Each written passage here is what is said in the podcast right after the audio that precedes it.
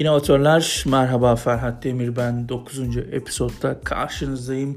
İlk sezonun final episodundan bir önce bugün müşteri olmayanlarla, müşterimiz olmayanlarla empati kurmayı konuşacağız. Haftaya da ilk sezonun finalini yayınlıyor olacağız. Final episodunda da haftaya karşınızda olacağım. Sonra küçük bir ara vereceğiz ve ikinci sezona tahminen 2 hafta sonra başlıyor olacağız. Evet bugün müşteri olmayanlarla yani müşterimiz olmayanlarla empatiyi konuşacağız.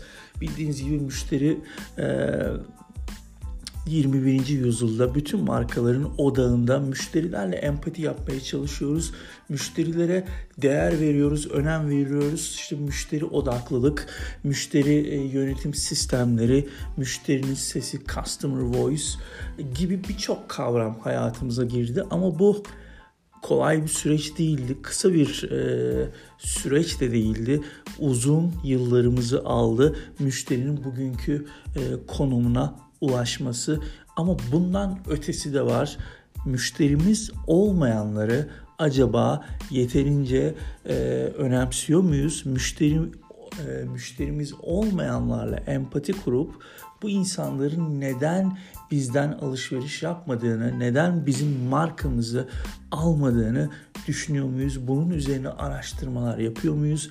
Bunun üzerine çalışmalar yapıp o araştırma sonuçlarını analiz ederek, e, içgörülere e, dönüştürerek oradan hareketle yeni stratejiler geliştiriyor muyuz? Yeni inovasyonlara gidebiliyor muyuz? Bunu konuşacağız. Ama öncesinde e, geçmişin kısa bir tarihini, hızlı bir e, retro perspektifini konuşalım sizlerle. Evet, e, biz müşteri demeden önce ne diyorduk? Tüketici. Yani ürünümüzü satın alanlar, ürün ya da hizmetimizi satın alanlar sadece tüketicilerdi. Görüşlerinin hiçbir önemi yoktu ki sanayi devriminin başlarından bahsediyorum. Yani sanayi devrim öncesi zaten ciddi bir e, müşteri grubu yok e, ama sanayi devrimiyle birlikte e, büyük e, şirketlerin ortaya çıkması ve bu şirketlerin ürettikleri ürünleri insanlara satabilmesi gerekiyordu. Bu çok zor olmadı çünkü insanların zaten temel ihtiyaçları giderilmemiş durumdaydı. O Maslow'un hiyerarşisinde zaten en aşağılardaydık. Temel gıda maddeleri, temel temizlik maddeleri, temel işte bir takım e, bakım onarım maddeleri gibi ürünlere ihtiyacımız vardı. E, dolayısıyla büyük markalar zaten müşteriyi daha doğrusu tüketicileri çok da önemsemiyordu. Çünkü zaten ürettiği şeyi hazır alacak bir kitle var. Zamanla tabii ki e, rekabet kızıştı. Sadece bir otomobil markası varsa birkaç tane otomobil markası olmaya başladı. Birkaç on tane e, otomobil markası olmaya başladı ve dolayısıyla bu kurumlar, bu markalar müşteriye e, tüketiciden yavaş yavaş dönüşerek müşteri olmaya başlayan kitleye daha çok ulaşmak istediler. Çünkü müşterinin birden fazla seçeneği olmaya başladı. Dolayısıyla satış ekiplerinin üzerine e, ya da yanına neyse yeni bir departman açmak zorunda kaldık. Pazarlama. Dolayısıyla pazarlama ekiplerimiz oluştu. Pazarlama disiplini gelişti. Pazarlama uzmanları, e, uzmanlıkları ortaya çıktı. Çünkü e, müşterinin birden fazla seçeneğe sahip olması ister istemez rekabetin kızışmasıyla markaları daha fazla e, ürüne yönlendirmeye ihtiyaç e, halinde e, ortaya e, çıkarttı. Markaların daha fazla pazarlama yapması zorunluluğunu ortaya çıkarttı. Buraya kadar aslında e, yine halen müşteri çok odakta değil. Yani evet biz müşteri e, rekabetin kızışmasıyla belki 1900'lerden itibaren müşteriyi e, daha fazla müşteriye dikkat e, kesilir olduk ama müşterinin girdileri daha doğrusu düşünceleri müşterinin geri bildirimleri bizim yeni ürünler için yeni inovasyonlar için halen bir girdi değildi. Bugün halen gelişmemiş ülkelerde birçok marka için böyledir. Dolayısıyla inovasyon halen e, yeni ürün geliştirme ki o zamanlar inovasyonda çok demiyorduk. E, yine mühendis ekiplerin, teknik ekiplerin, ARGE ekiplerinin kontrolündeydi ya da tahakkümündeydi. Onlar üretiyordu ve bunu pazara dayatıyordu. Pazar da insanlar evet zaten e, çok da seçim hakkı olmadığı için atlara binmek yerine evet herhangi bir otomobili tercih eder durumdaydı. Ama zamanla müşterilerin gelirleri arttıkça, müşterilerin e, hayata bakış açıları değiştikçe, temel ihtiyaçları giderildikçe, eğitim düzeyleri arttıkça aynı şekilde daha sofistike seçimler yapmaya başladılar. İşte bu noktada e, pazara dayatılan yeni ürünler değil aslında pazarın istediği yani müşterinin istediği ürünler üretilmek zorunda kaldı. Dolayısıyla ARGE ekipleri tek başına yeni ürünlerin e, speklerini diyelim, yeni ürünlerin fonksiyonlarını belirleyen departman olmaktan çıktı. Pazarlama ve satış daha önemli hale gelmeye başladı. Ama bakın halen e, müşteri e, ürün geliştirme süreçlerinde tam olarak yok.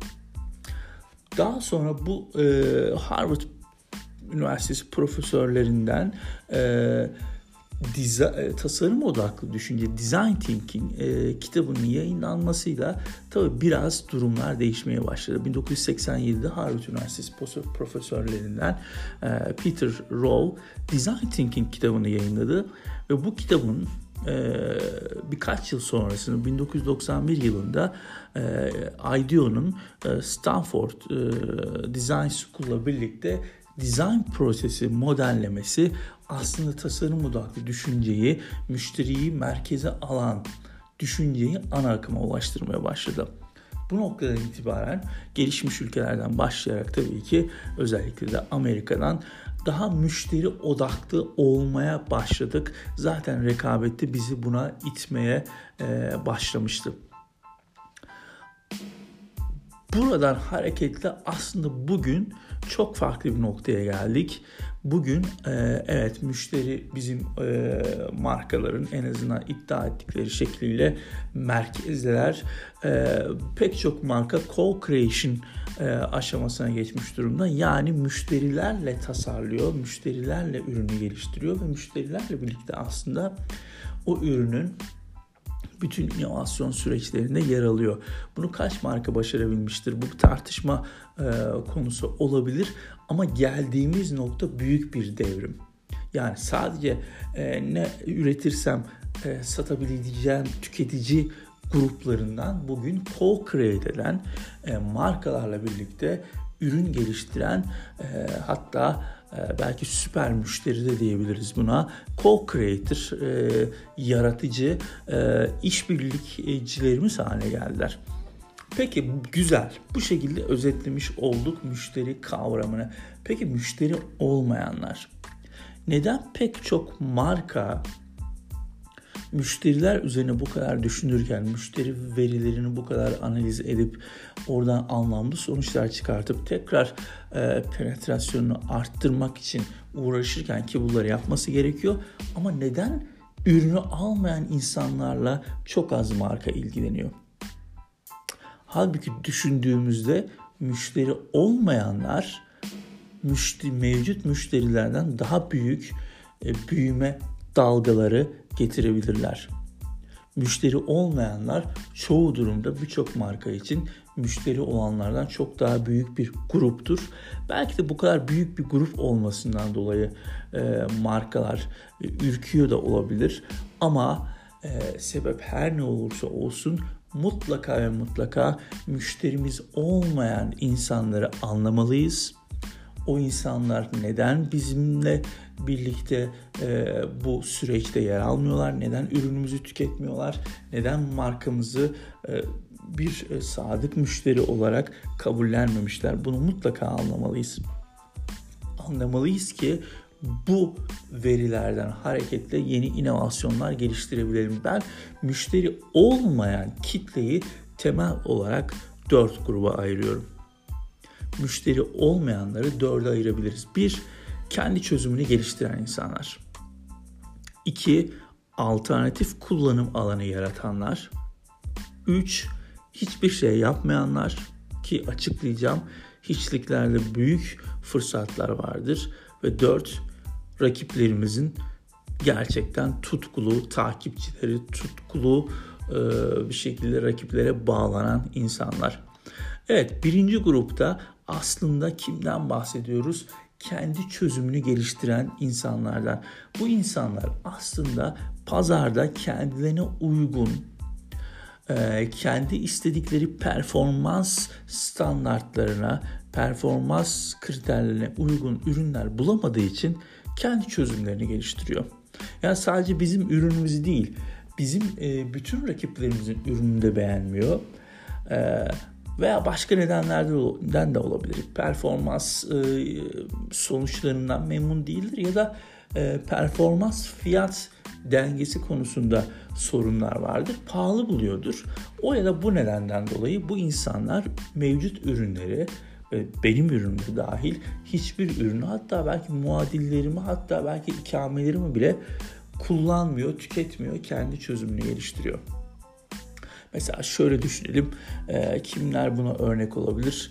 İşte e, parkeyi, e, zemin kaplamada parkeyi pahalı bulduğu için hatta lamine parkeyi de pahalı bulduğu için e, beton atanlar yani zemini betonla kaplayanlar veya zemini işte halılarla kaplayanlar veya işte kırsal kesimde kendi e, tarlasından kavakları sunta haline getirip e, zemini o şekilde kaplayan insanları bu grupta düşünebiliriz. Alternatif kullanım alanı yaratanlar yani bir ürünün asıl amacının dışında kullanılmasından bahsediyoruz. Bunlar da müşteri olmayanlar grubundadır. Mesela işte kabartma tozuyla e, halıları temizleyenler veya işte kabartma tozuyla e, nedir e, lavaboları temizleyenler bu grupta olabilir veya işte diş macununun mürekkep lekesini e, çıkar, rahat çıkardığını bildikleri için veya aynaları parlatmak için kullanan insanlardan bahsedebiliriz. Bakın bunlar ürünleri asıl fonksiyonlarının, asıl amaçlarının dışında kullanan kişiler. Bunun da tabii ki nedenleri var ve mutlaka bu nedenlerin ortaya çıkartılması gerekiyor. Diğer büyük bir grup hiçbir şey yapmayanlar. Yani ihtiyaçlarını öteleyen insanlar. Yine bu insanlar da muhtemelen e, performans konusunda yeterince memnun değil, yeterince mutlu değil ve o ürünü almıyor. Belki bir kere denemiş, memnun kalmamış ama o ürünü veya işte diğer tüm rakiplerin aynı kategorideki ürünlerini almayan insanlar bunlara ben hiçbir şey yapmayanlar diyorum ki çok çok büyük bir inovasyon tetikleyicisidir bu kişiler. Mutlaka mutlaka bu kişilerin neden ürünü almadıkları anlaşıl, anlaşılmalı, analiz edilmeli. Örneğin yetişkin bezleri belli bir yaşın üzerindeki insanlarda özellikle Amerika'da idrar sorunları olduğunu biliyoruz ve bu insanlar e, aslında bebek bezlerine benzeyen ürünleri kullanmak istemedikleri için hiçbir şey yapmıyorlar. Ne demek hiçbir şey yapmıyorlar? Hiçbir ürünü almıyorlar. Çünkü o ürünler büyük, kaba, ses çıkartıyor. Ayrıca bebek bezlerinin olduğu reyonlarda oraya gitmek istemiyorlar. Dolayısıyla bu insanlar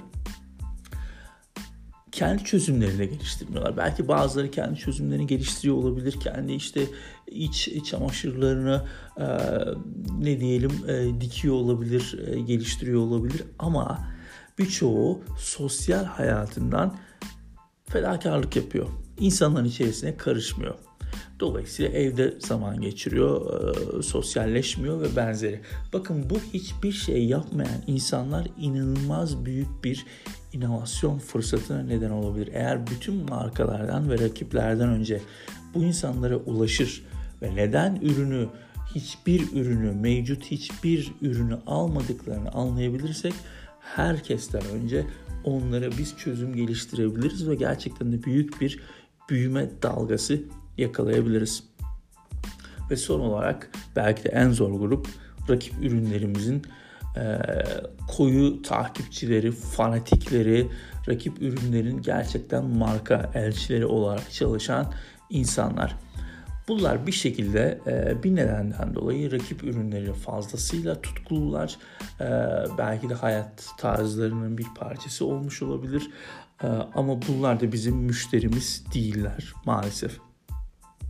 Bu insanları da kazanmak tabii ki mümkün ama diğer gruplardan daha farklı yaklaşımlar ve stratejiler gerektiriyor. Tabii ki bu e, söylediklerimizin standart bir formülü yok. Bu sektöre göre, vakaya göre, duruma göre, markaya göre, şirkete göre fazlasıyla değişebilir. E, yapılması gereken o markaya özel e, kendisinin e, ürününü hiçbir şekilde almayan, tercih etmeyen bu insanları e, teker teker e, bu insanlara ulaşıp onların e, almama nedenlerini ortaya çıkarmak ve onun sonrasında da tabii ki ona uygun stratejilerle yeni inovasyonlara imza atmak. Evet ben bu episodda müşteri olmayanlara dikkat çekmeye çalıştım. Müşteri olmayanlarla empati kurmamız gerektiğini e, hatırlatıyorum, söylüyorum, ısrarla altını çiziyorum. Sadece müşteriler değil, o mutlaka olmalı. Müşterilerimizi çok iyi e, anlamalıyız. Onların geri bildirimlerine dikkate almalıyız. Tutundurma faaliyetlerini mutlaka yapmalıyız. Ama müşteri olmayanlarımızı göz ardı edemeyiz. Müşteri olmayanlarımızı olmayanları unutamayız.